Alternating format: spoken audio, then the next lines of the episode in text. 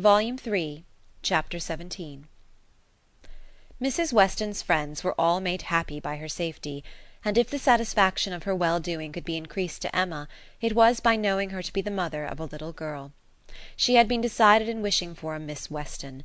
She would not acknowledge that it was with any view of making a match for her, hereafter, with either of Isabella's sons; but she was convinced that a daughter would suit both mother and father best. It would be a great comfort to Mr. Weston as he grew older and even Mr. Weston might be growing older ten years hence to have his fireside enlivened by the sports and the nonsense, the freaks and the fancies of a child never banished from home; and Mrs. Weston, no one could doubt that a daughter would be most to her, and it would be quite a pity that any one who so well knew how to teach should not have their powers in exercise again. "She has had the advantage, you know, of practising on me," she continued like la Baronne d'Almane and la Comtesse d'Ostalie in Madame de Genlis Adelaide and Theodore; and we shall now see her own little Adelaide educated on a more perfect plan." "That is," replied Mr. Knightley, "she will indulge her even more than she did you, and believe that she does not indulge her at all. It will be the only difference." "Poor child!" cried Emma. "At that rate, what will become of her?" "Nothing very bad the fate of thousands. She will be disagreeable in infancy, and correct herself as she grows older. I am losing all my bitterness against spoiled children, my dearest Emma. I, who am owing all my happiness to you, would not it be horrible ingratitude in me to be severe on them?" Emma laughed and replied, "But I had the assistance of all your endeavours to counteract the indulgence of other people. I doubt whether my own sense would have corrected me without it." "Do you? I have no doubt. Nature gave you understanding; Miss Taylor gave you principles. You must have done well. My interference was quite as likely to do harm as good. It was very natural for you to say, what right has he to lecture me? And I am afraid very natural for you to feel that it was done in a disagreeable manner. I do not believe I did you any good. The good was all to myself, by making you an object of the tenderest affection to me. I could not think about you so much without doting on you, faults and all and by dint of fancying so many errors, have been in love with you ever since you were thirteen at least." "I am sure you were of use to me," cried Emma. "I was very often influenced rightly by you, oftener than I would own at the time. I am very sure you did me good. And if poor little Anna Weston is to be spoiled, it will be the greatest humanity in you to do as much for her as you have always done for me, except falling in love with her when she is thirteen. How often when you were a girl have you said to me, with one of your saucy looks, Mr. Knightley, I am going to do so and so; papa says I may, or I have Miss Taylor's leave; something which, you knew, I did not approve; in such cases my interference was giving you two bad feelings instead of one." "What an amiable creature I was! No wonder you should hold my speeches in such affectionate remembrance." "Mr. Knightley! You always called me Mr. Knightley and from habit it has not so very formal a sound. And yet it is formal. I want you to call me something else, but I do not know what." "I remember once calling you George, in one of my amiable fits, about ten years ago. I did it because I thought it would offend you, but as you made no objection, I never did it again." "And cannot you call me George now?" "Impossible! I never can call you anything but Mr. Knightley. I will not promise even to equal the elegant terseness of Mrs. Elton, by calling you Mr. K. But I will promise," she added presently, laughing and blushing, "I will promise to call you once by your Christian name. I do not say when, but perhaps you may guess where, in the building in which N takes M for better, for worse." Emma grieved that she could not be more openly just to one important service which his better sense would have rendered her, to the advice which would have saved her from the worst of all her womanly follies, her wilful intimacy with Harriet Smith; but it was too tender a subject. She could not enter on it. Harriet was very seldom mentioned between them. This, on his side, might merely proceed from her not being thought of; but Emma was rather inclined to attribute it to delicacy, and a suspicion, from some appearances, that their friendship was declining. She was aware herself that parting under any other circumstances, they certainly should have corresponded more, and that her intelligence would not have rested, as it now almost wholly did, on Isabella's letters. He might observe that it was so. The pain of being obliged to practise concealment towards him was very little inferior to the pain of having made Harriet unhappy. Isabella sent quite as good an account of her visitor as could be expected. On her first arrival she had thought her out of spirits, which appeared perfectly natural, as there was a dentist to be consulted. But since that business had been over, she did not appear to find Harriet different from what she had known her before. Isabella, to be sure, was no very quick observer, yet if Harriet had not been equal to playing with the children it would not have escaped her. Emma's comforts and hopes were most agreeably carried on by Harriet's being to stay longer; her fortnight was likely to be a month at least. Mr and Mrs John Knightley were to come down in August, and she was invited to remain till they could bring her back. "John does not even mention your friend," said Mr. Knightley. "Here is his answer, if you like to see it.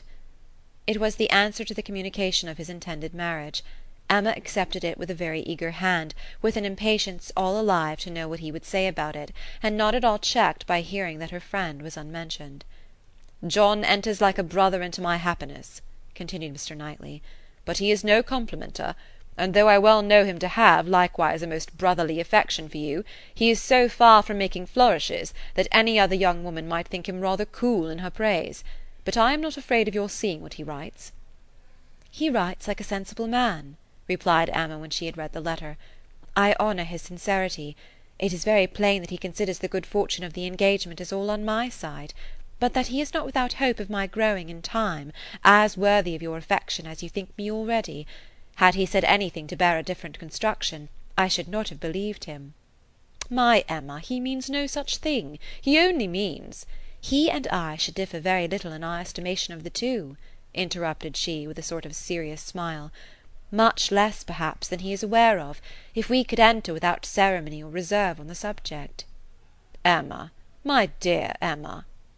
"Oh," she cried, with more thorough gaiety, "if you fancy your brother does not do me justice, only wait till my dear father is in the secret and hear his opinion. Depend upon it he will be much farther from doing you justice; he will think all the happiness, all the advantage on your side of the question, all the merit on mine. I wish I may not sink into poor Emma with him at once. His tender compassion towards oppressed worth can go no farther."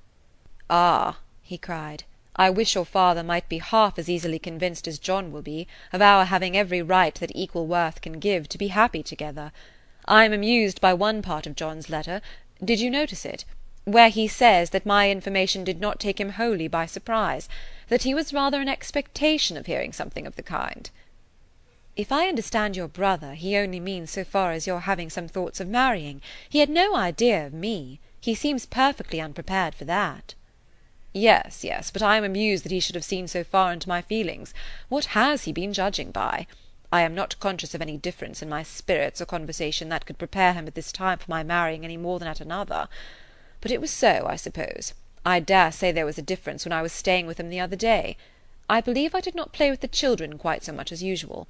I remember one evening the poor boys saying, 'Uncle seems always tired now.'" The time was coming when the news must spread farther, and other persons' reception of it tried. As soon as Mrs. Weston was sufficiently recovered to admit Mr. Woodhouse's visits, Emma, having it in view that her gentle reasoning should be employed in the cause, resolved first to announce it at home, and then at Randalls. But how to break it to her father at last? She had bound herself to do it, in such an hour of Mr. Knightley's absence, or when it came to the point her heart would have failed her, and she must have put it off; but Mr. Knightley was to come at such a time, and follow up the beginning she was to make. She was forced to speak, and to speak cheerfully too. She must not make it a more decided subject of misery to him, by a melancholy tone herself. She must not appear to think it a misfortune.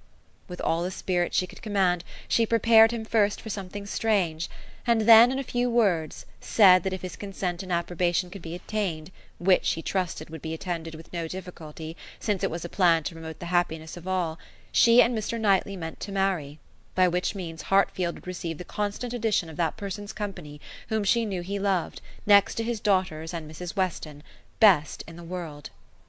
Poor man! it was at first a considerable shock to him, and he tried earnestly to dissuade her from it.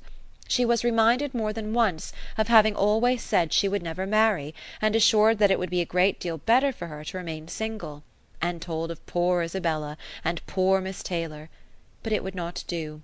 Emma hung about him affectionately and smiled, and said it must be so and that he must not class her with Isabella and Mrs. Weston, whose marriages taking them from Hartfield had, indeed, made a melancholy change; but she was not going from Hartfield; she should always be there.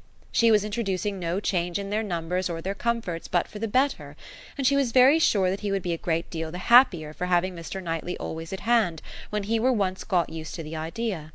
Did not he love Mr. Knightley very much? He would not deny that he did, she was sure. Whom did he ever want to consult on business but Mr. Knightley? Who was so useful to him, who so ready to write his letters, who so glad to assist him, who so cheerful, so attentive, so attached to him? Would not he like to have him always on the spot? Yes, that was all very true. Mr. Knightley could not be there too often; he should be glad to see him every day. But they did see him every day as it was; why could not they go on as they had done? Mr. Woodhouse could not be soon reconciled; but the worst was overcome; the idea was given; time and continual repetition must do the rest. To Emma's entreaties and assurances succeeded Mr. Knightley's, whose fond praise of her gave the subject even a kind of welcome, and he was soon used to be talked to by each on every fair occasion. They had all the assistance which Isabella could give, by letters of the strongest approbation and Mrs. Weston was ready, on the first meeting, to consider the subject in the most serviceable light, first as a settled, and secondly as a good one, well aware of the nearly equal importance of the two recommendations to Mr. Woodhouse's mind. It was agreed upon as what was to be, and everybody by whom he was used to be guided assuring him that it would be for his happiness, and having some feelings himself which almost admitted it, he began to think that some time or other in another year or two perhaps, it might not be so very bad if the marriage did take place. Mrs. Weston was acting no part, feigning no feelings in all that she said to him in favour of the event. She had been extremely surprised, never more so, than when Emma first opened the affair to her, but she saw in it only increase of happiness to all, and had no scruple in urging him to the utmost.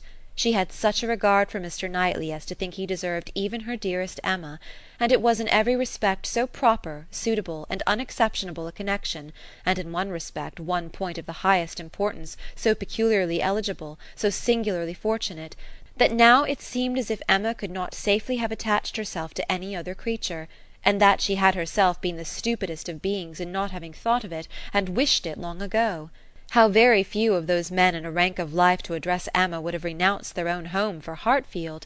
And who but Mr. Knightley could know and bear with Mr. Woodhouse, so as to make such an arrangement desirable? The difficulty of disposing of poor Mr. Woodhouse had always been felt in her husband's plans and her own, for a marriage between Frank and Emma. How to settle the claims of Enscombe and Hartfield had been a continual impediment, less acknowledged by Mr. Weston than by herself; but even he had never been able to finish the subject better than by saying: "Those matters will take care of themselves. The young people will find a way." But here there was nothing to be shifted off in a wild speculation on the future. It was all right, all open, all equal; no sacrifice on any side worth the name. It was a union of the highest promise of felicity in itself, and without one real rational difficulty to oppose or delay it. Mrs. Weston, with her baby on her knee, indulging in such reflections as these, was one of the happiest women in the world. If anything could increase her delight, it was perceiving that the baby would soon have outgrown its first set of caps. The news was universally a surprise wherever it spread, and Mr. Weston had his five minutes' share of it. But five minutes were enough to familiarize the idea to his quickness of mind. He saw the advantages of the match, and rejoiced in them with all the constancy of his wife; but the wonder of it was very soon nothing, and by the end of an hour he was not far from believing that he had always foreseen it. "It is to be a secret, I conclude," said he. "These matters are always a secret, till it is found out that everybody knows them. Only let me be told when I may speak out. I wonder whether Jane has any suspicion. He went to Highbury the next morning, and satisfied himself on that point. He told her the news. Was not she like a daughter, his eldest daughter? He must tell her; and Miss Bates being present, it passed of course to Mrs. Cole, Mrs. Perry, and Mrs. Elton immediately afterwards.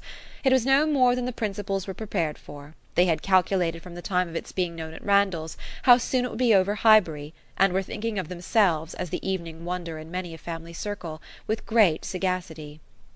In general it was a very well approved match. Some might think him, and others might think her, the most in luck. One set might recommend their all removing to Donwell, and leaving Hartfield for the John Knightleys; and another might predict disagreements among their servants; but yet upon the whole there was no serious objection raised, except in one habitation, the vicarage. There the surprise was not softened by any satisfaction. Mr. Elton cared little about it compared with his wife; he only hoped "the young lady's pride would now be contented," and supposed "she had always meant to catch Knightley if she could," and on the point of living at Hartfield could daringly exclaim "rather he than I." But Mrs. Elton was very much discomposed indeed. Poor Knightley! poor fellow! sad business for him! she was extremely concerned; for though very eccentric, he had a thousand good qualities. How could he be so taken in? Did not think him at all in love, not in the least. Poor Knightley! there would be an end of all pleasant intercourse with him. How happy he had been to come and dine with them whenever they asked him! But that would be all over now. Poor fellow! no more exploring parties to Donwell made for her. Oh no, there would be a Mrs. Knightley to throw cold water on everything. Extremely disagreeable; but she was not at all sorry that she had abused the housekeeper the other day. Shocking plan, living together. It would never do. She knew a family near Maple Grove who had tried it, and been obliged to separate before the end of the first quarter.